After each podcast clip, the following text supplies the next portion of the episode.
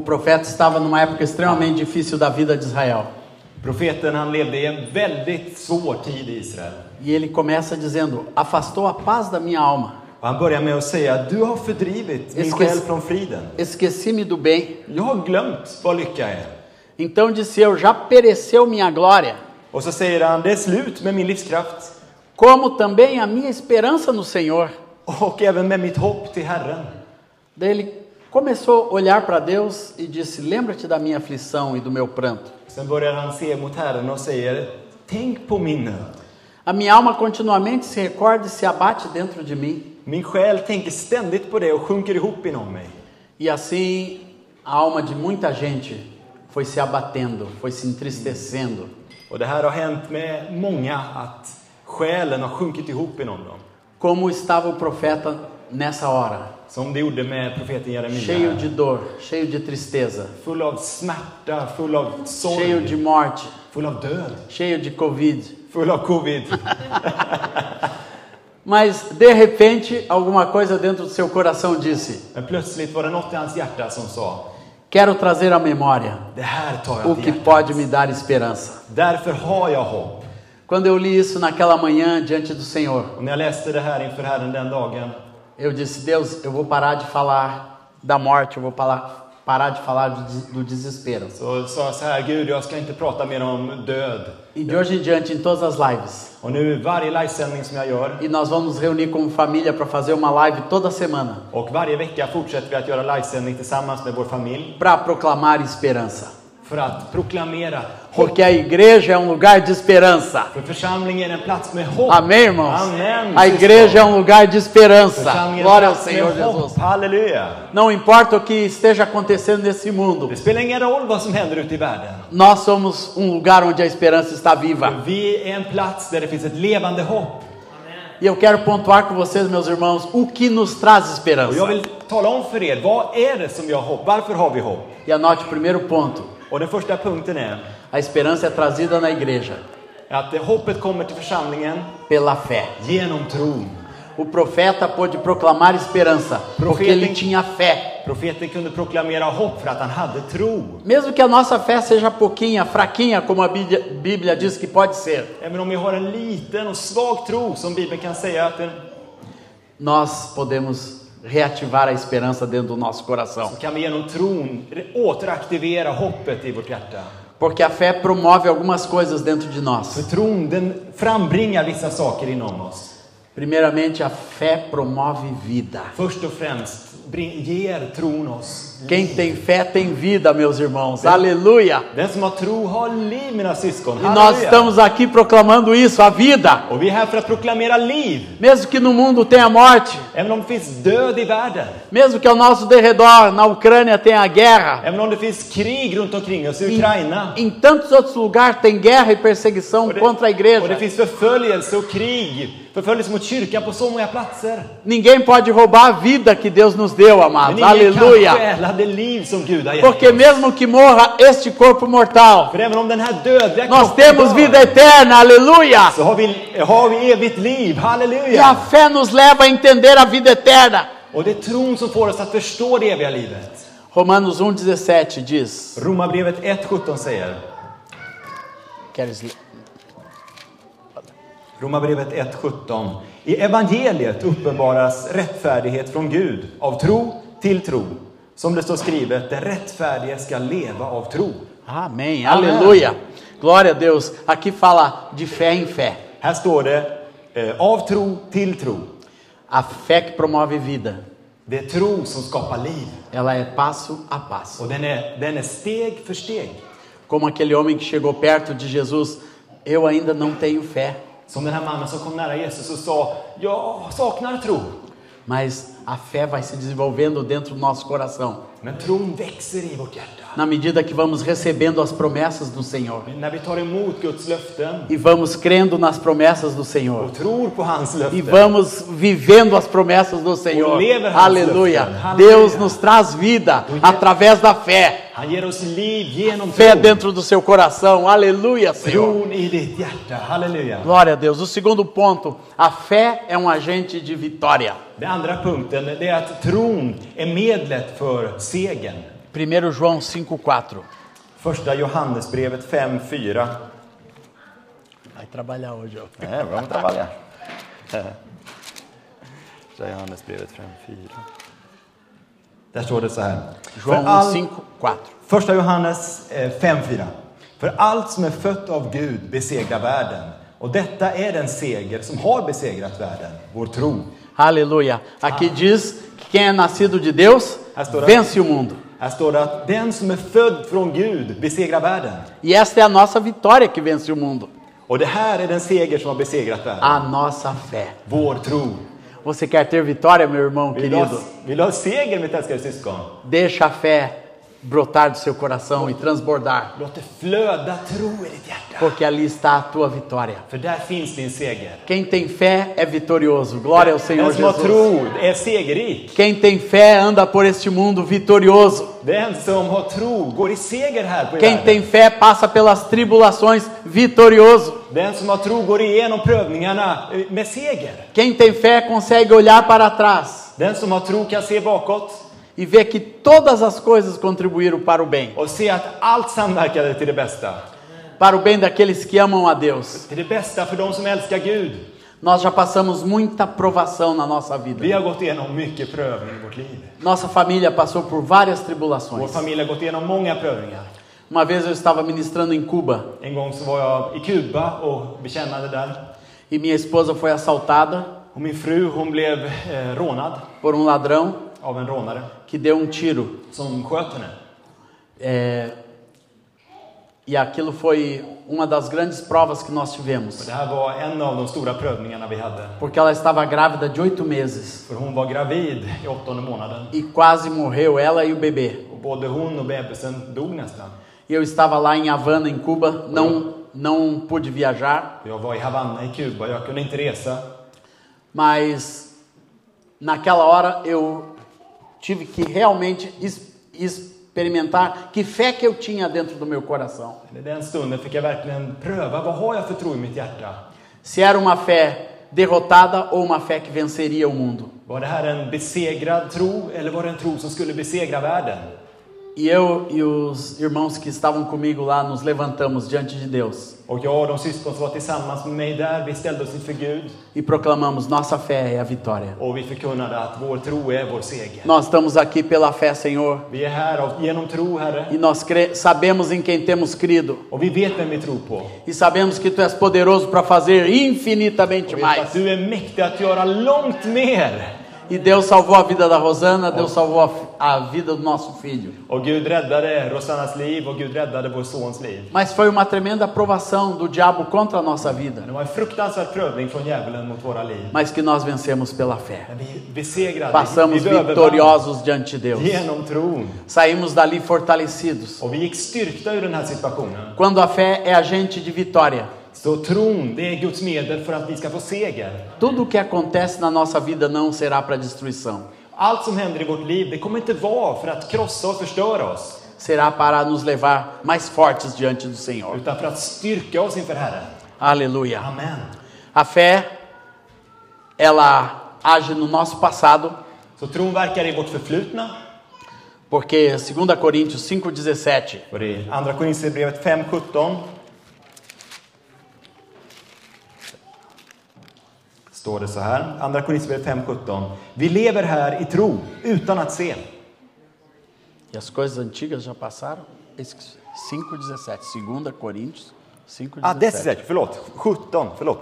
Om någon är i Kristus är han alltså en ny skapelse. Det gamla är förbi, något nytt har kommit. Aqui fala que quando nós vivemos pela fé, Eh, här står det att om vi lever i tro as coisas antigas passam. så, så eh, kan vi lämna bakom oss det som har hänt. A fé nos traz vitória Tron sobre o ger oss nosso seger. passado. Ger oss seger över vårt förflutna. Muitas pessoas pensam que o seu passado derrotou a sua vida hoje. Många människor tror att deras, deras förflutna förstör deras liv idag. Não, quando nós temos fé no Senhor, Nej, när vi har tro på As Herren coisas antigas passaram, eis que se fizeram novas. så är det Aleluia, Senhor. gamla förbi. Något nytt har kommit. Eis que se fizeram novas. No- Você, você chega no presente Något nytt har kommit. Du kommer till nutiden vitorioso. med seger. Se nós olhássemos para o passado. Aquilo poderia ser uma grande derrota. Om vi tittar bakåt i våra liv så tänker vi oss det där kunde varit en stor, eh, stort nederlag för oss. Mas nós deixamos aquilo no passado, Men vi har lämnat det där bakom oss firmado em Cristo, och vi står fast i Herren. e chegamos aqui Och vitoriosos. vi har kommit hit med seger. E a fé é um instrumento de vitória também no presente. Och tron det är även ett, ett instrument för seger nu. Romanos 3,16. Romarbrevet 3, Decisis. Isso, 26. Romanos 3,16. 3,26. Ah, está escrito 3, 26. 3, 26. 26. Desculpa. I den tid som nu är ville han visa sin rättfärdighet. Att han både är rättfärdig och förklarar den rättfärdig som tror på Jesus. Aleluia. Aqui fala que a manifestação da justiça de Deus no tempo presente. Här står det om, eh, om Guds rättfärdighet som uppenbarar sig nu. E nós somos justificados e- porque temos fé em Jesus. Att vi är rättfärdiga för att vi tror på Jesus. Por isso Deus nos faz viver o dia de hoje Och det är därför låter Gud oss leva idag com total confiança. med full, fullständig Temos a tillförsikt. certeza que as coisas antigas já passaram. Vi vet att det gamla är förbi. Eis que se fizeram novas. Vi vet att något nytt har kommit. E hoje eu sou mais do que vencedor. Amém? Nu är jag mer Glória a än en Deus. övervinnare. Somos vitoriosos em Cristo Jesus. Vi har seger i Jesus Kristus. E nos faz olhar para o futuro. Och det får oss också att se mot framtiden. Provérbios 23, 18 diz. Och Ordspråksboken 23.18. Provérbios 23, 18. Ordspråksboken 23.18. Förvisso har du då en framtid och ditt hopp blir inte om intet. Porque deveras haverá bom futuro, hein, irmãos? Förvisso har du då en framtid. Amen. Não será frustrada a tua esperança. O dito- próprio texto. I- Ditt hopp blir inte om intet. Quem confia no Senhor Den som litar på Herren, não será frustrada a sua esperança. för honom kommer hoppet Glória a inte Deus. bli om Halleluja. intet. Halleluja. Glória a Deus. Por, por quê? Por último, a fé é um agente ativo da operação de Deus.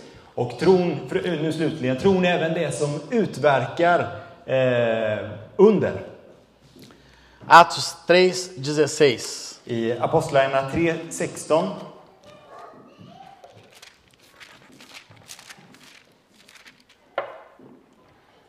Apostlagärningarna 3.16.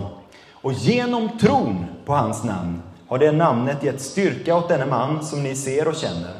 Tron som kommer genom det namnet har gett honom full hälsa, som ni alla ser. A fé é um agente ativo de Deus na operação de milagres. Så tron, det är det som utverkar under från Gud. E a igreja é um lugar em que nós cremos nos milagres de Deus. Och församlingen, i församlingen tror vi på Guds under. Todos nós estamos aqui não apenas para receber alguma coisa que nos conforte, Vi är inte här, var och en av oss är inte här bara för att ta emot något som tröstar oss. mas nós estamos aqui por causa do poder sobrenatural de Deus, Men på grund av Guds övernaturliga kraft. que faz coisas sobrenaturais Som gör övernaturliga na vida saker. de cada um de nós I, li- i vars och en av våra liv. e na vida da nossa família. Och i våra familjers liv. Eu sou cristão há 48 anos Jag har varit kristen i, i 48 år. e eu tenho uma história de coisas sobrenaturais de Deus. Och jag vet att det har hänt övernaturliga saker i mitt Que liv. foram acontecendo no decorrer da minha história e da história da minha família. Som har hänt i mitt liv och min familjs liv. conversões, Ö- Omvändelser. curas, Helanden. curas, transformações, Förvandlingar. libertação, Befrielse. provisão. eh, Försörjning. Tudo isso Deus foi nos dando em abundância. Allt det här har Gud gett oss i överflöd. Eu, durante a minha adolescência, När jag var tonåring eu abandonei a escola, a família, a igreja Så lämnade jag skolan, min familj, kyrkan e me tornei um drogado. och jag blev en eh, drog. Comecei a drogmissbrukare. usar drogas Jag började använda droger como adolescente när jag var tonåring. e aquilo quase ceifou a minha vida. Och det där tog nästan livet av mig. Ali eu me acidentei, Så jag var med om olyckor, ali a minha saúde decaiu, min hälsa blev kass, eu não tinha mais força nem esperança para nada. jag hade inte kraft, jag hade inget hopp om någonting. Mas quando Jesus entrou na minha casa, Men när Jesus kom in i mitt liv, mitt hus, através da vida do pastor Erasmo, genom pastor Erasmus liv, ali a nossa casa começou a ser transformada. Då började mitt hem att De uma förvandlas. forma sobrenatural, minha mãe voltou para Deus. På ett övernaturligt sätt kom min mamma tillbaks till De uma Herren. forma sobrenatural, eu entreguei minha vida a Cristo Jesus. På ett övernaturligt sätt gav jag mitt liv till Kristus E, e Jesus. Deus foi salvando cada um dos meus irmãos Och Gud han frälste var och en av mina e foi syskon. transformando totalmente a nossa família. Och Gud han förvandlade min familj helt och hållet. Fez da nossa família uma família feliz. Och han förvandlade min familj till att bli en lycklig familj. E a graça e o amor de Deus me preparou para depois me casar Och Guds nåd och kärlek förberedde mig för att jag skulle kunna gifta e mig. ter um casamento feliz e uma família feliz Och ha ett lyckligt äktenskap och en lycklig familj. e viver diante de Deus Och leva inför Gud. uma vida cheia da vitória e da fé no Ett liv Senhor. fullt av seger och tro på Herren. Fala, Dolores. Isso. Testemunha. Quando quando eu era drogado, Ja, när jag var drogmissbrukare eu eu trabalhava como artesão så arbetade jag med hantverk. e tinha conseguido um pequeno emprego Och jag hade fått eh, ett litet jobb. que eu ia todos os dias para esse emprego. Så varje dag gick jag till den här arbetsplatsen. E eu saía de casa ao meio-dia para para ir nesse emprego, Så vid lunchtid gick jag från mitt hem till den här platsen. caminhando alguns quilômetros. Det var några kilometer och jag gick till fots. E eu sempre passava por um rapaz. Och jag gick alltid förbi samma kille. E esse rapaz dizia: Jesus te ama. Och den här killen han sa till mig, Jesus älskar dig. E eu sempre achava estranho aquilo, o mesmo rapaz no mesmo horário. Det var konstigt, samma kille, eh, samma plats, han sa alltid samma sak. E, e no dia que eu me converti, Och den dagen som jag omvände mig, dia 18 de agosto de 74, 18 augusti 1974. um conjunto de música cantou nesse dia, porque era uma festa de jovens. Det var en, en ungdoms-happening kan man säga och det var det en grupp musiker som spelade. E eu olhei para frente e lá na frente estava aquele moço que dizia: Jesus te ama. Och där i bandet så var den här killen som hade sagt till mig, "Gud, Jesus älskar dig. Era o Lawrence Gottfriedson, Det var Fredriks bror Lorentz Gottfridsson que me dizia todos os dias: Jesus te ama. som sa till mig varje dag, Jesus älskar E dig. naquele dia eu, en- eu entendi o amor de Deus. Och den dagen förstod jag Guds kärlek. E naquele dia, no primeiro, primeiro dia de vida cristã, Så min första dag som kristen eu conheci mesmo que de longe a família Godfriedson. så lärde jag känna, även fast det var på långt håll, familjen Gottfridsson. Já estavam presentes na minha vida desde o meu primeiro Så dia. från min första dag cristão. som kristen så har de funnits med i mitt liv. Mas Deus fez coisas maravilhosas. Men Gud har gjort underbara saker. A fé no nosso coração, Så tron i vårt hjärta, a fé verdadeira. den verkliga tron, Nossos olhos não viram våra ögon har inte sett e nossos ouvidos não ouviram och öron har inte hört o que Deus tem preparado det som Gud har förberett para aqueles que o amam för de som älskar e honom, para quem tem fé no seu för coração. de som har tro i sitt hjärta. Glória a Deus. A Halleluja. fé é um agente do sobrenatural de Det är Deus. tron som frambringar det övernaturliga från Gud.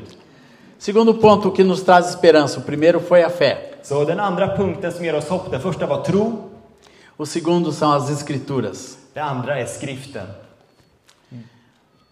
A Bíblia, a palavra de Deus, Bibeln, Guds ord. não foi deixada por Deus para nos dar informação. Gud gav oss inte ordet för att ge oss information, Ela é o verbo de Deus. utan det är Guds ord.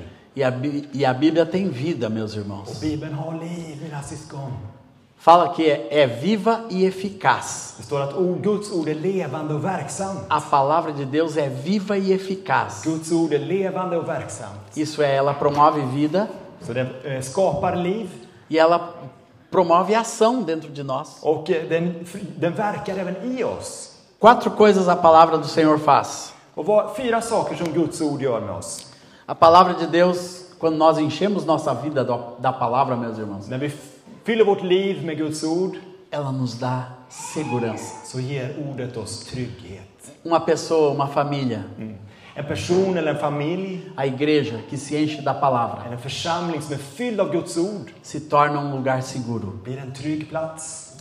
O nosso casamento não, não é feliz e seguro pela minha força e pela força da minha esposa. Eh, Mitt äktenskap, min familj, den är inte trygg genom min kraft eller Rosannas. E a segurança da nossa casa não vem pelas coisas que a gente Och faz, vår trygghet för vår familj, det kommer inte från vad vi gör. nem pelas coisas que a gente ganha, nem pelo dinheiro que se tem. Inte heller från pengarna som vi tjänar. Isto não traz segurança. Det är inte det som ger oss trygghet. O que nos traz segurança é a vida na palavra de Deus, meus irmãos. Det som ger oss trygghet är vårt liv i Guds ord. É quando nós enchemos o nosso coração När vi fyller vårt hjärta com a palavra. med ordet. Uma pessoa cheia da palavra de Deus, En person som är full av Guds ord, ela sabe hon vet aonde está pisando. vart hon är på väg. Ela é segura da presença e da vida de Deus. Hon är trygg i Guds närhet. Ele sabe que nunca está sozinho. Hon vet att hon aldrig är ensam. Ele sabe que pode ir de, pra- de- de cá para lá, Hon vet att hon kan gå hit eller dit. que Deus está sempre com ele. Men Gud är med henne. Mesmo que ande pelo vale da sombra da morte, Även om jag går i dödsskuggans dal não temerá mal algum, så fruktar jag ingenting. porque Deus está comigo För Gud är med mig. e Ele é que me acompanha Och han går med mig. em todas as coisas. I allt jag går E igenom. eu sou seguro. Så jag kan vara trygg. Esse mundo é cheio de medo. Den här världen är så full av rädsla. Crianças com medo, Det finns barn som är rädda. jovens com medo, Ungdomar som är homens rädda. e mulheres com medo. Män och kvinnor som är rädda. Não fazem as coisas porque estão com medo. De gör inte saker för att de är Não se rädda. movem, De rör sig inte. não andam, não vão, não viajam. De reser inte. De gör inte. De går inte. E durante a pandemia, um dos instrumentos do diabo foi o medo, Och ett av Satans verktyg under pandemin, det var rädsla. que roubou a segurança. som stal tryggheten. Mas a palavra de Deus nos devolve a segurança. Men Guds ord ger oss tryggheten tillbaka. Porque ela é aqui, segundo ponto, nos dá a direção. För den andra punkten, det är Guds ord som ger oss riktning. Você não é apenas seguro quando se enche da palavra de Deus. Du är inte bara trygg när du lever i Guds ord. Você sabe muito bem para onde vai. Du vet mycket väl vart du är på väg. Porque fala que lâmpada para os meus pés, Salmo 119, 105. Por isso. Diz: Lâmpada para os meus pés é a tua palavra För i psalm 119 105 står det Ditt ord är mina fötters lykta e luz para os meus caminhos. och ett ljus på min stig. Uma pessoa que é cheia da palavra de Deus, meus, För en meus person irmãos, som är full av Guds ord ela sabe bem para onde está indo, sabe qual é a direção. vet vart riktningen är, vet vart hon är på väg. Por isso que, que fala que nós devemos ensinar os nossos caminhos na palavra, os nossos filhos na palavra do Senhor, Därför står det att vi behöver instruera våra barn i Guds, eh, Guds ord. porque quando crescerem, eles eles vão ter a orientação dessa palavra dentro do seu coração. Att vi ska vänja dem vid den vägen, för sen när de blir äldre kommer de fortsätta gå på den. Quando o- o- toda a minha infância eu ouvi a palavra de Deus, Hela min barndom hörde jag Guds ord. porque a mãe nos levava sempre na igreja. För min mamma tog alltid med oss till, till kyrkan. E durante 10 anos da minha vida, a palavra de Deus foi muito presente na nossa casa. Så Guds ord var väldigt närvarande under mina första tio år i livet. Na adolescência, quando a minha mãe se afastou da igreja, Men när min mamma lämnade församlingen nós, todos os filhos adolescentes, nos afastamos também. så, så lämnade alla vi hennes barn också. Mas eu lembro quando eu estava lá no meio das drogas, Jag minns när jag var mitt ibland drogerna tomando droga, fumando marihuana. och rökte marijuana och tog droger. Sabe do que, que eu me lembrava? Vet ni vad jag kom ihåg? Da palavra de Deus. Jag kom ihåg Guds ord. Eu tinha vários textos da palavra de Deus de cor. Jag, jag hade eh, memorerat många av Guds... Eu Guds- estava lá fumando många eh, ord från Bibeln. Så jag e var me en lembrava rökte, da palavra de Deus. men i, i mitt sinne hade jag Guds ord. E não foi difícil quando, eu- quando, o, quando aquele pastor chegou na nossa casa Så när den här pastorn kom hem till oss e ele me falou do amor de Jesus. och han pratade om, om Guds kärlek Não foi difícil para eu entender, så var det lite svårt för mig att förstå. porque eu já tinha dentro do meu coração a orientação da palavra. För jag hade redan blivit instruerad i Guds ord. Mesmo no mundo, muitas coisas ruins eu não fiz, Så till och med i världen var det många dåliga saker som jag inte gjorde. porque eu sabia dentro do meu coração que elas eram contra a palavra de Jag Deus. visste i mitt hjärta att det här var mot Guds ord. Porque a or- a palavra é uma fonte de direção För clara ordet är en källa till, in, till quando ledning nós nos enchemos dela. när vi fyller oss med det. Por isso ela nos dá esperança. Därför ger hon- den oss hopp. Terceiro, a palavra do Senhor nos dá sabedoria. För det tredje ger Guds ord oss vishet. Colossenses 3,16. Kolosserbrevet 3.16. Kolosser. 3.16. Låt Kristi ord bo rikligt hos er med all sin vishet. Undervisa och förmana varandra med psalmer, hymner och andliga sånger och sjung till Gud med tacksamhet i era hjärtan. A palavra de Deus não é um livro que você apenas tem em casa. Bibeln är inte en bok, bara en bok som du har hemma. Mas ele é uma fonte extrema da sabedoria de Deus. Det är en fantastisk källa till vishet från Gud. E sabedoria não é conhecimento. Och vishet är inte detsamma som kunskap. Conhecimento você tem no Google, Kunskap kan du få från Google, na internet. från internet. Qualquer coisa que você digita no Google, você aprende. Om du skri- skriver in det på Google så kan du lära dig om det. Digita lá como fritar ovo. Du kan skriva hur steker man ägg? Você aprende. Då kan du lära dig hur man steker ägg. Um, um dia eu estava, durante a pandemia, eu estava sozinho na praia En gång, eh, eh, under pandemin så var jag ensam på stranden en dag. e não tinha muita coisa para comer. Och Det fanns inget, jag hade inte så mycket att äta. Daí eu achei arroz, linguiça e uma cebola. Och då eh, så fanns det lök och så fanns det lite korv och lite ris. E eu não sabia cozinhar, Men jag visste inte hur man lagar mat. mas peguei o meu celular, Jag tog upp mobilen. como fazer a, a- a- é, carreteiro de arroz Ah, hur, hur gör jag en bra com mat? salsicha. Hur gör jag en bra måltid av det här Linguist. riset och korven här? E eu digitei ali e apareceu alguém que me mostrou tudo. Och, då, och jag skrev in det och så kom, fick, jag skrev- kom det en video och någon visade mig hur jag skulle göra. Em 30 minutos eu tinha arroz todinho prontinho ali, gostoso. Så på 30 minuter hade jag en god måltid framför mig. E eu olhei para aquilo, puxa, eu nunca fiz isso na vida e agora eu fiz e já tá bom. Och så tänkte jag, oj jag har aldrig gjort det här förut och nu gjorde jag första gången där det blev bra. Isso é conhecimento. Det är kunskap. Sabedoria Vishet. é quando você aprende as coisas da vida Är när du lär dig om livet do jeito de Deus. på Guds sätt. É quando você aprende Är Det det är när du lär dig a dirigir o seu coração att styra ditt hjärta do jeito de Deus. på det sätt som Gud vill. Quando você aprende a agir e reagir da maneira de Deus. När du lär dig att handla och reagera Mm, på det todas sätt las som cosas. Gud vill. I allt. Tem horas da nossa vida que a gente não sabe o que Det, fazer. vi, det kommer tillfällen i våra liv när vi inte vet hur vi ska göra. Deus nos deu uma filha com deficiência. Gud har gett oss en dotter som är, har handikapp. Ela tem uma síndrome que a tornou handicap. Eh, Hon har ett syndrom som har gjort henne handikappad. E nos primeiros anos daquela síndrome, Och de första åren med, det- med det här handikappet eller syndromet, que é uma síndrome muito rara chamada Prader-Willi, som ett ovanligt syndrom som heter Prader-Willi. n- não tinha nenhuma informação no Brasil sobre essa síndrome. I Brasilien fanns det ingen information om det här syndromet. Não tinha nenhum livro para a gente olhar Det fanns ingen bok som vi como kunde ajudar a läsa. Aurora. Hur hjälper man vår dotter? Mas nós fomos para a presença de Deus Men vi gick till Guds närhet. e choramos diante do Senhor. Och vi grät inför Herren. Dissemos: Senhor, tu tens a maneira Och vi sa till Gud, du har vägen. de nós cuidarmos dessa menina. Du vet hur vi ska ta hand om den här flickan. E fomos recebendo a sabedoria de Deus para cuidar de um filho especial. Och vi tog emot Guds vishet för hur man tar hand om ett speciellt barn. Um manual diário.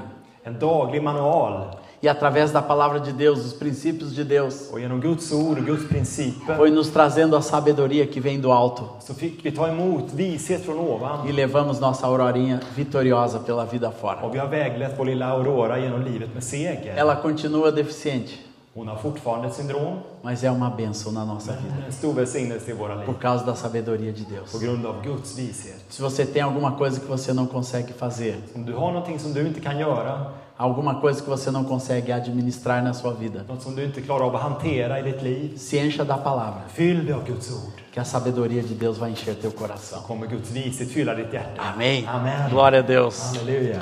Glória a Deus. Quarto, a palavra de Deus Det fjärde är om Guds ord. nos dá força. Guds ord ger oss kraft. Salmo 119, 28. Psalm 119, 28. Versículo 28. 119, 28.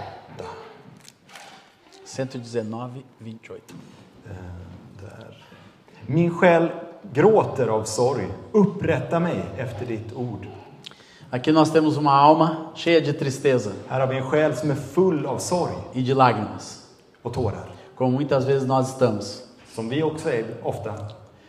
Mas o salmista diz: Fortalece-me, Men psalmisten säger upprätta mig segundo a tua palavra. efter ditt ord. E no Salmo 119, 107, Och samma psalm, vers 107. 107. Jag är svårt plågad, Herre. Ge mig liv enligt ditt ord. Aqui o salmista já está aflito. Här eh, är psalmisten svårt plågad, mas ele vai para a fonte. Vivifica-me, Senhor, men han går till källan. segundo a tua palavra. Ge mig liv, Herre, enligt ditt ord. As, as pessoas realmente fortes que eu conheço nesse mundo. De verkligt kra- starka människorna som jag känner här i världen. Não é quem malha na academia todo dia, Det är inte de som är på gymmet varje dag. é quem se enche da palavra de Deus. Det är de som fyller sig med Guds ord. Porque você é fortalecido de dentro para fora. För att då blir du styrkt inifrån och ut. Começa a ter um espírito forte. Du börjar få en stark É ande. isso que nós precisamos ensinar uns aos outros. Det är det vi behöver lära varandra. A sermos vivificados pela palavra de Deus. Att bli styrkta av Guds ord. Aleluia. Glória a Deus. Amém. Amen. Então nós somos, temos esperança pela fé. Temos esperança pela palavra. Så vi har hopp genom tron, hopp genom ordet. O terceiro ponto, Den tredje punkten. a revelação de Cristo nos traz esperança. Uppenbarelsen om Kristus ger oss hopp. Gálatas 2:20 diz: I Galaterbrevet 2.20 står det. Och nu lever inte längre jag, utan Kristus lever i mig. Och det liv jag nu lever i min kropp, det lever jag i tron på Guds son som har älskat mig och utsett, utgett sig för mig. "Aqui já não sou mais eu quem vive. Och nu lever inte längre jag. Vou receber, você recebeu uma vida nova. Du har tagit emot ett nytt liv. Essa vida Det här livet eu a vivo pela fé que nós já falamos, lever jag genom tron, som vi redan har pratat om. mas uma fé qualificada, meus irmãos. Men det här är en särskild typ av tro.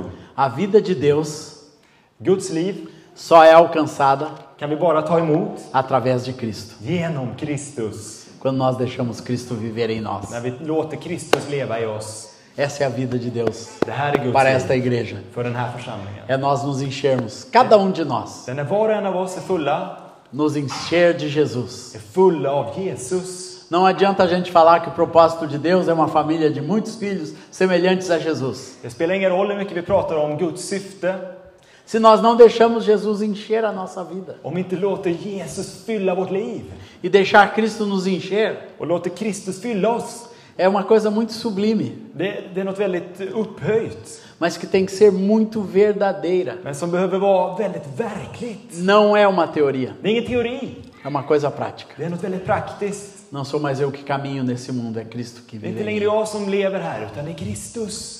Em tudo que eu faço, I allt jag gör tem que ter a marca de Jesus. måste det finnas Jesu märke Em tudo que eu sou, Allt jag, jag är tem que ser a marca de Jesus. måste vara liksom märkt av Jesus. Todo mundo que está ao meu redor A- Alla som är runt omkring mig tem que ver essa marca de Cristo. behöver se Jesus i É mig. Cristo que vive em mim. Det är Jesus som lever i mig. Aqui diz essa vida que eu, que eu agora tenho na carne. Och här står det, det liv jag nu lever i min kropp. Eu sempre pensava que a vida de Cristo era espiritual, Jag har alltid tänkt att Kristi liv är andligt. mas aqui diz que é- a vida nós temos é na carne, meus Men irmãos. här står det att det liv vi lever, det É är quando a i kroppen. nossa carne é transformada, Det är när vår kropp är förvandlad. nossa carne é subjugada. När vår kropp har blivit E underordnad. Cristo está nesse corpo vivo. Och Kristus lever i den No här teu levande corpo kroppen. vivo está Jesus. När Jesus Kristus lever i din levande kropp. E é ali que ele tem que se manifestar. Och det är där han ska uppenbara sig. Aleluia. Amen. A revelação de Cristo nos traz também Så uppenbarelsen av Kristus ger oss hopp completa alegria. och det ger oss också fullständig glädje. João 16, 24. Johannes 16.24 Johannes evangeliet 16.24 Hittills har ni inte bett om något i mitt namn. Be och ni ska få, så att er glädje blir fullkomlig. Glória ao Senhor. Halleluja. Nos dá completa alegria. Det ger oss fullständig glädje. Jesus disse: Pedi e recebereis, Jesus sa, be och ni ska få, para que a vossa alegria seja completa. så att er glädje blir fullkomlig. Isso nós precisamos aprender a ministrar ao mundo, irmãos. Och det här behöver vi betjäna världen med. Uma, are- uma alegria completa. En fullkomlig glädje. Não é uma alegria que vem por alguma coisa que a gente faz. Det är inte en glädje som kommer utan något vi gör. Tem muito crente ainda buscando fontes passageiras Det e finns, många, curtas det finns många troende som söker källor som bara är för en kort tid. de Som, alegria, för att få glädje. fontes que se acabam. Källor som tar slut, som sinar. Deus quer que nós tenhamos uma alegria completa. Men Gud vill att vi ska ha en fullkomlig glädje. E uma pessoa cheia de Jesus En person som är full av Jesus começa a experimentar essa alegria completa. börjar att erfara den här fullkomliga glädjen. Que não termina como as, quando as coisas do mundo terminam. Som inte tar slut när sakerna i världen tar slut. Tem muita gente que é alegre quando o dinheiro está no bolso. Det är många som är glada när de har fullt med pengar i fickan. Fica triste quando está sem dinheiro. Men när de inte har några pengar blir de ledsna. Quando o dinheiro volta, ele se alegra de novo. När pengarna kommer igen, då blir man glad igen. Ou com qualquer outra coisa que vai e vem. Vad som helst annat som finns i världen. Jesus quer nos dar algo mais completo. Men Jesus vill ge oss något mer fullkomligt. Algo que não é medido com as medidas desse mundo, Något som inte kan mätas med den här världens mått. mas algo que enche a nossa vida Men något som fyller vårt liv. completamente. Fullkomligt. Que não importa onde você esteja, Det spelar ingen roll vart du är. a alegria é completa. Fullkomlig glädje. Receba de Deus nessa Ta tarde emot a alegria den här completa eftermiddagen. Fullkomlig que glädje. Jesus tem para tua vida, para tua casa, För para tua Jesus- família. Jesus finns det för ditt Que liv, Jesus för, ditt tem hem, para o teu casamento. för ditt Que Jesus äktenskap, tem para o teu futuro, för din framtid, para os teus sonhos, para os för teus dina planos. drömmar och planer. Receba a alegria Ta completa emot Fullkomlig que glädje. Deus está derramando sobre você, é meu irmão e Jesus minha irmã. utgjuter över dig just nu. Aleluia. E através de nós está derramando sobre esta nação. Och genom oss så utgjuter han över det här landet. A alegria seja completa. Fullkomlig glädje. Glória a Deus. Aleluia. E terceira coisa que Jesus nos dá, Och det tredje som Jesus ger oss, autoridade. auktoritet. Mateus 6, 7. Jag ska ge Markus. É, desculpa. Será que é Marcos? É, eu li antes. Desculpa. Tem que... Puxa, esse tradutor tá... Fala. É Marcos, irmãos. Marcos 6, 7. Markus 6, 7. Och han kallade till sig de tolv och började sända ut dem två och två och gav dem makt över de orena andarna. Chamou Jesus os doze Så Jesus kallade till sig de tolv e lhes deu autoridade. och han gav dem makt eller auktoritet. Muitas vezes nós nos enchemos de medo Ofta fyller vi oss av rädsla dos poderes desse mundo, eh, inför den här världens krafter. mas quando nos enchemos de Jesus, Men när vi fyller oss av Jesus nós recebemos um presente maravilhoso: så får vi ta emot en underbar present.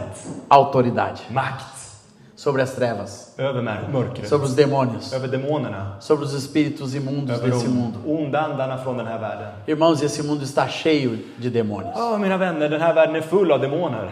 Por todo mundo. A gente pensa que é só nos lugares terríveis do mundo onde estão acontecendo as, as coisas terríveis. Não, mas ao nosso derredor, a palavra diz Ja, ibland så tror jag att det bara är på några hemska platser det finns demoner, men det finns överallt. Ordet säger, A palavra diz que o de- diabo, vosso och adversário, det står i ordet att djävulen, er fiende, não está lá longe. han är inte långt borta. Não está só lá na Ucrânia, na Rússia. Han är inte bara i Ryssland och Ukraina, Diz que está ao nosso derredor, utan han är, han är, han är runt omkring. com um objetivo bem definido Och han har ett så här, syfte som är väl formulerat. para vos tragar, Att förstöra ditt liv, para vos devorar, att sluka dig, para devorar a nossa família, att förstöra din familj, para destruir o casamento, att förstöra ditt äktenskap, para pegar nossos adolescentes, nossas crianças. stjäla våra barn och våra ungdomar. O diabo está ao nosso derredor.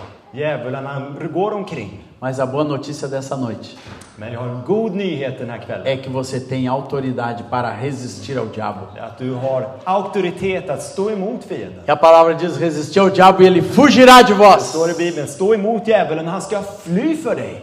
Glória a Deus. Halleluja! Ele fugirá. Han ska fly. O lugar do diabo não é o nosso derredor, Så djävulen har ingen plats mitt ibland oss não é na nossa casa, och inte i våra hem heller. nem no meio da igreja. Inte heller i församlingen. Nós resistimos pela fé em nome de Jesus. Vi står emot i- genom tron på Jesu Kristi namn. Ele fugirá de vós. Han ska fly. Amém. Amen. Então seja cheio da revelação de Cristo Vi Jesus. är full av uppenbarelsen om Kristus. E quarto ponto, irmãos, Och den fjärde punkten o que nos traz esperança? som kan ge oss hopp, A revelação total da graça det de är en Deus. fullkomlig uppenbarelse om nåden. Aleluia. Aleluia. Romanos 3, 23, Romarbrevet 3, 24. Romarbrevet 3, 23 och 24. Står det så här. Alla har syndat och saknar härligheten från Gud. Och de förklaras rättfärdiga som en gåva av hans nåd därför att de är friköpta av Kristus Jesus. A graça, irmãos, nos justifica. Nåden rättfärdiggör oss. somos justificados gratuitamente por sua graça, Vi har förklarats rättfärdiga som en gåva av mediante a hans nåd. redenção que há em Cristo Jesus. Därför att de är friköpta av Kristus Jesus. Jesus Cristo é a presença Jesus Kristus är närvaron e a graça é a revelação dessa presença. och nåden, det är uppenbarelsen av den här närvaron. É a graça de Deus. Eu costumo dizer que a graça é a junção de dois predicados de Deus. Desculpa. Eu, eu costumo dizer que a graça é a junção de duas virtudes de Deus. Ah, Okej, jag brukar säga att, att nåden består av två virtu- egenskaper från Gud. Tack. Justiça Rättfärdighet e amor. och kärlek. Quando a justiça e amor se encontram em Cristo, Och när rättfärdighet och kärlek möter varandra i Kristus, o que jorra é graça. det som ko- springer därifrån, det är nåd. Quando a justiça e o amor de Deus När Guds nåd och Guds kärlek se encontram na cruz, möts på korset, o que vem é graça. det som kommer därifrån är nåd. E essa graça nos justifica. Och det är den här nåden som rättfärdiggör oss. Segundo, nos santifica. Och den helgar oss också. Atos 20, 32. Står det i Apostlagärningarna 2, 32. Nej, 20, 32.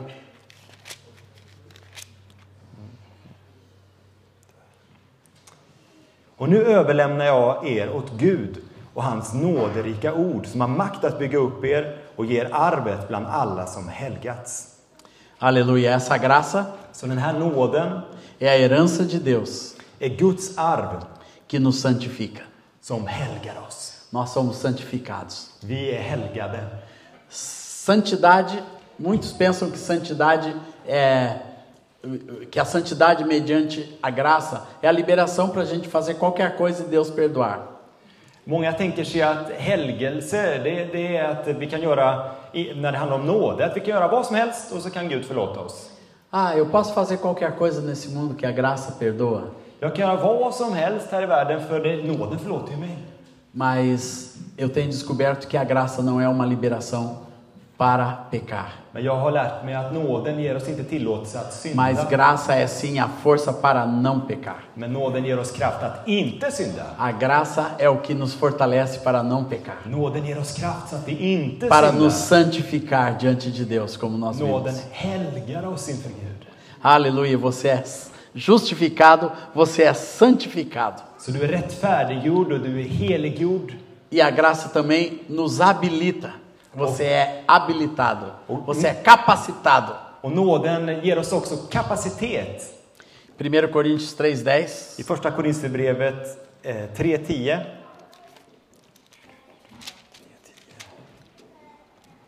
Men den nåd som Gud har gett mig, eller med den nåd som Gud har gett mig, har jag som en kunnig byggmästare lagt grunden och nu bygger en annan vidare på den. Men var och en måste tänka på hur han bygger.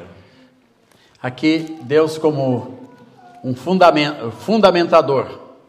Och här kan vi se att Gud är den som, här ser vi en, grund, en byggmästare som lägger grunden Ele começou a construção através de Cristo. och han började den här eh, byggnaden genom Kristus. Mas a palavra diz que nós somos capacitados para continuar esta edificação. Men Bibeln säger att vi har nu fått nåd att, eh, att få bygga vidare på den här byggnaden. E a igreja, meus irmãos, é um lugar de edificação, de construção. Och församlingen det är en plats för uppbyggelse där vi E é a bygger upp graça de varandra. Deus que nos permite Och det är Guds nåd som tillåter detta, essa construção den här byggnaden. na vida uns dos outros. Att vi kan uppbygga varandra. O que é discipulado, meus amados? Vad är lärjungaskap mina vänner? Construção. Det är att bygga upp. A gente pensa que discipulado é só eu estar vinculado a uma outra Vi kan pessoa, tänka oss att lärjungaskap eh, personligt är att man är bara kopplad till någon.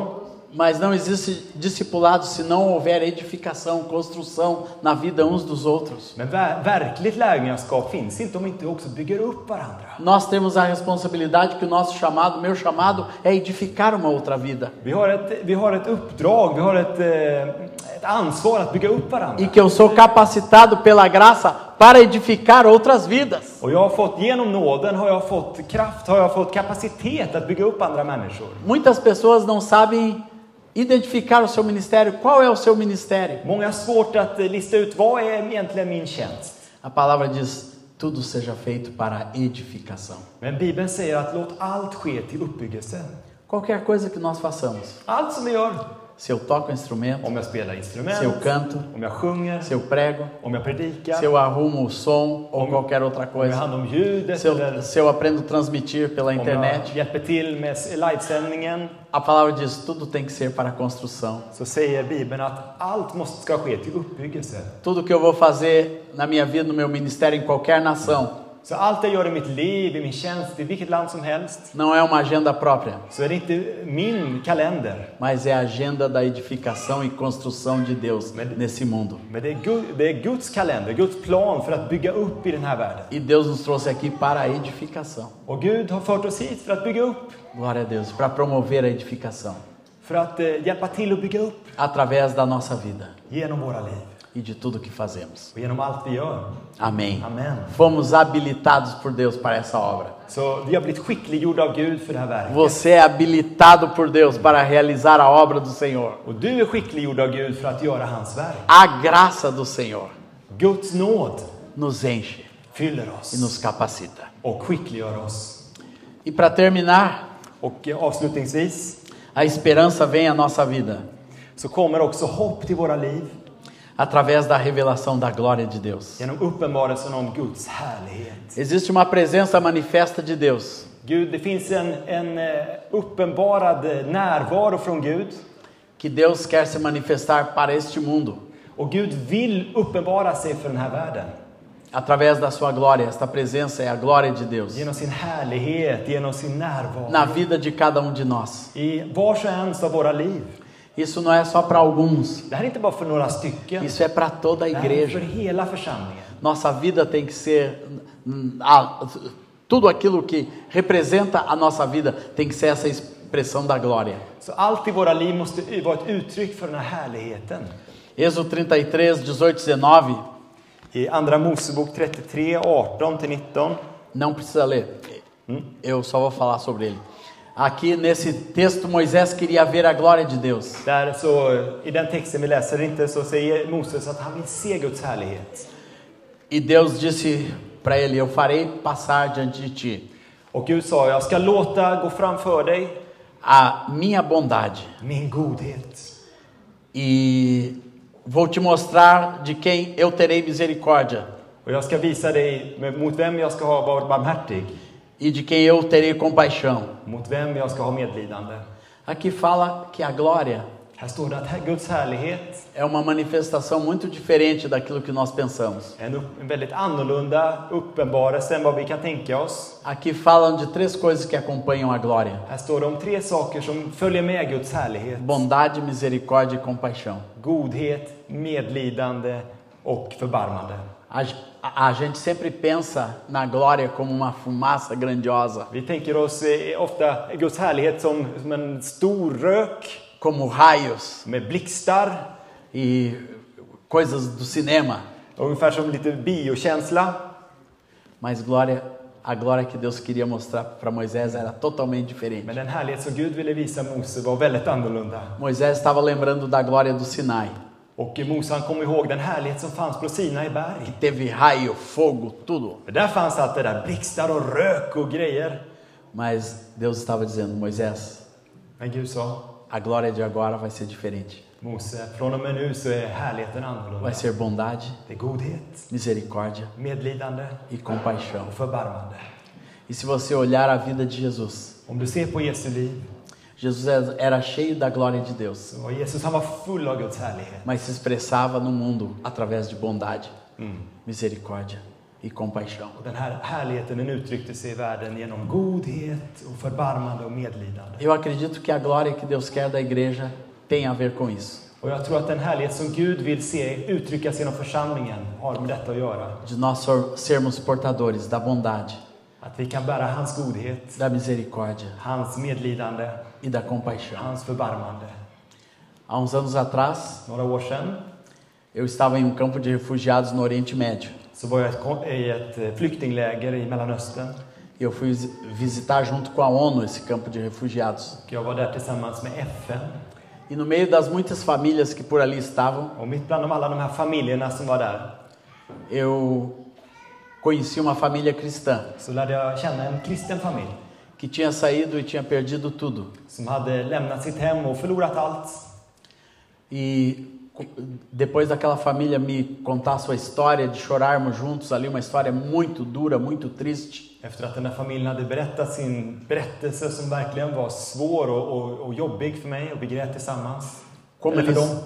como eles perderam seus bens, seus familiares Mas- pro- para o Estado Islâmico. De hade förlorat sitt hem, sina ägodelar till Islamiska staten. Eu fui me despedir Jag tog avsked av dem e eu orei, Senhor, essa família precisa de um milagre. och jag bad Herre, den här familjen behöver ett under. E na mesma hora que eu orei dessa maneira, o Espírito Santo disse: Och direkt när jag bad den här bönen sa den helige Ande till mig. Você já pensou que você pode ser o milagre? Har du tänkt att du kan vara det här undret? Que o milagre veio de Porto Alegre e está aqui Att nesse undret lugar. har kommit från Porto Alegre och är här nu. E ali eu comecei um caminho, Ô, Dara. um caminho de milagre para aquela família. Och där började jag gå en, en underväg, en mirakelväg med den här familjen.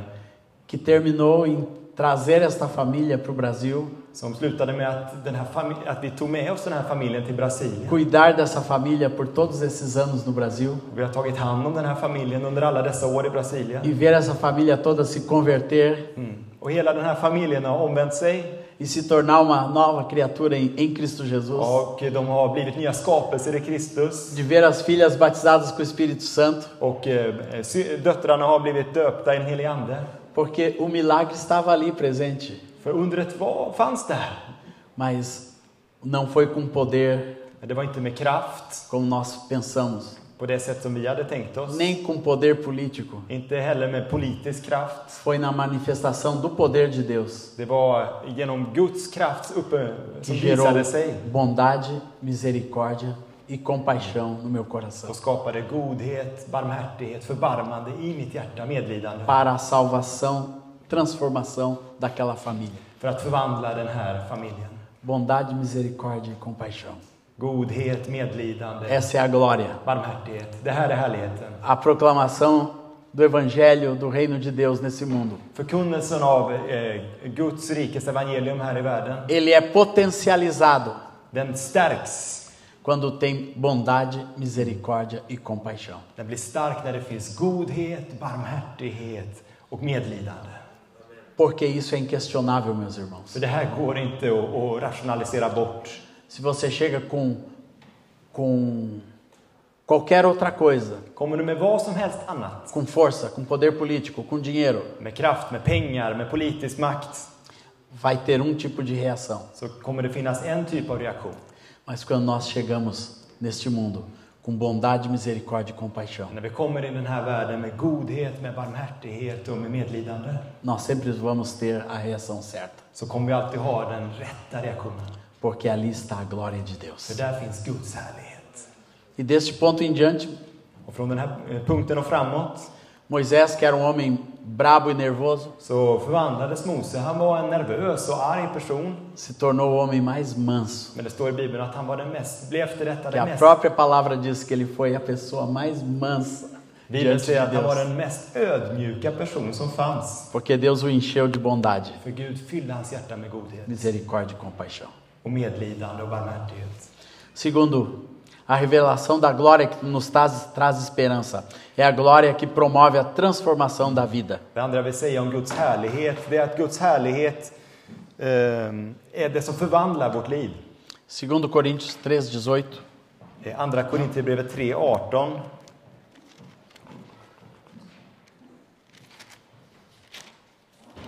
E já está terminando, irmão. Och jag, jag är på väg att sluta nu, okej? Ehm, I Ko- Andra Korinthierbrevet 3.18 står det så här. Och alla vi som med obeslöjat ansikte ser Herrens härlighet som i en spegel, vi förvandlas till en och samma bild, från härlighet till härlighet. Det sker genom Herren, Anden. Aqui fala de uma glória que existe em Deus. Här står det om en härlighet som finns i Herren. E aqui fala de uma glória que nós podemos contemplar. Och det, står, det handlar om en härlighet som vi kan se. E nós contemplamos essa glória pela fé, Vi kan se den här härligheten genom olhando para a tron. presença de Deus, Vi kan se på Guds närhet genom tron. para o caráter de Cristo Jesus. genom Jesus eh, E egenskaper. quando isso acontece, irmãos, nós somos transformados. Och när vi gör detta, då förvandlas vi. Deus não quer que a gente fique do jeito que somos. Gud vill inte att vi ska fortsätta vara som vi är nu. Deus quer nos transformar. Gud vill förvandla oss. A gente se acostuma do jeito que nós somos. Vi vänjer oss med hur vi är. Nos acostumamos com os nossos predicados e com os nossos defeitos. Vi, vi vänjer oss med våra för och nackdelar. Mas Deus tem al- alguém melhor em você Men Gud har något bättre för dig. que aparece quando você contempla a face do Senhor Och det här kommer fram när du ser på hans ansikte e é transformado. och låter det förvandlas. Ah, minha oração, meus irmãos, Så min me bön, mina transforma, Senhor. vänner, min bön är förvandla mig Herre. Transformação tem que partir. Eu quero ser transformado. För att bli förvandlade måste vi vilja bli förvandlade. Você tem que dizer isso ao Espírito Santo todos os Du dias. behöver säga detta till helige Ande varje dag. Eu quero ser transformado, Senhor. Jag vill bli förvandlad Herre. Eu quero ser transformado. Jag vill bli förvandlad. Glória a Deus. Aleluia. Somos transformados de glória em glória. Och vi förvandlas från härlighet till härlighet. E nós vamos ficando parecidos à sua própria imagem. Och vi blir mer och mer lika honom själv. E essa glória da presença do Senhor que transforma a nossa vida. Och den här härligheten från Guds närvaro som förvandlar våra liv, A sua própria imagem pelo Senhor den förvandlar e oss no till, Espírito Santo. till hans bild, hans spegelbild. Porque a glória só pode ser gerada pelo Espírito Santo. För härligheten, den kan bara fram, bringas fram genom den helige Ande. Glória a Deus. Isaías 60, 19 a 21 fala I Jesaja 60, 19-21 står det que temerão, pois, o nome do Senhor, att de ska frukta Herrens namn desde o poente a sua glória, från, solens upp, från uppgången från hans härlighet desde o nascente do sol, ja, till solens nedgång. pois virá För de kommer se impelida pelo Espírito do Senhor. eh, fr, ja, frambringat från Herrens ande. Fala de uma glória que virá trazida pelo Espírito do Senhor. Här står det om en härlighet som ska komma genom É a glória Guds que nós ande. precisamos para a nossa vida. Och det är den härligheten vi behöver för våra liv. A glória que é trazida pelo Espírito Santo de Deus Den härlighet som kommer från Guds heliga e Ande. que nós vamos experimentar Och som vi kommer att erfara de forma poderosa, på ett fant- ö, mäktigt sätt, de forma intensa, på ett intensivt sätt, todos os dias da nossa vida, varje dag i våra liv. porque essa glória nos trará a För unidade. den här, här, den här härligheten ger oss enhet. Em João 17, 22, Johannes 17.22. pode ler esse texto. Johannes 17.22.